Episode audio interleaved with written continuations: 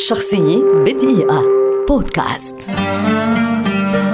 لوي براي أو لويس برايل مطور لغة برايل. هو نظام كتابة وقراءة عالمي يستخدمه الأشخاص المكفوفون أو الذين يعانون من ضعف حاد في البصر ولد عام 1809 فقد برايل بصره وهو في الثالثة من عمره عندما اصطحبه والده الذي كان يصنع السروج معه في مكان العمل وأخذ يلهو بمثقابين وجدهما هناك وبينما كان يجري وهو يحملهما زلت قدمه فوقع على الأرض وأصاب المثقابان عينيه فخب النور منهما لكنه أظهر تفوقا على إصابته وتلقى الاهتمام والعناية والتشجيع ممن حوله وهذا ما لم يكن مألوفا في ذلك الوقت إذ عانى فاقدي البصر من سوء المعاملة والخدمات وتعلم لويس التنقل في أنحاء قريته باستخدام عصا من صنع والده. كما أبهر معلميه بعقليته الفذة وتلقى تشجيعا للحصول على تعليم أكثر قبل أن يحدث ثورة بابتكاره نظام كتابة برايل اللغة التي تقرأ بتمرير الأصابع على حروف مكتوبة بنطوءات بارزة من واحد إلى ست نطوءات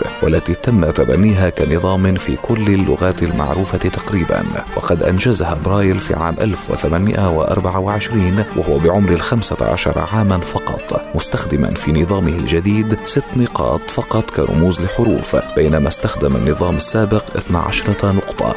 وقام لويس لاحقا بتوسيع نظام كتابته ليشمل رموز الرياضيات والموسيقى. وقد نشر أول كتاب بنظام كتابة برايل عام 1829 كان برايل مريضا في طفولته وساءت صحته عندما كبر وعانى من أمراض عدة دائمة في الجهاز التنفسي. استقال من وظيفته عندما اشتد عليه المرض وعندما وصل مرضه لمرحلة مميتة عاد إلى بيت عائلته حيث توفي عام 1852 بعد يومين من بلوغه سن الثالثة والأربعين.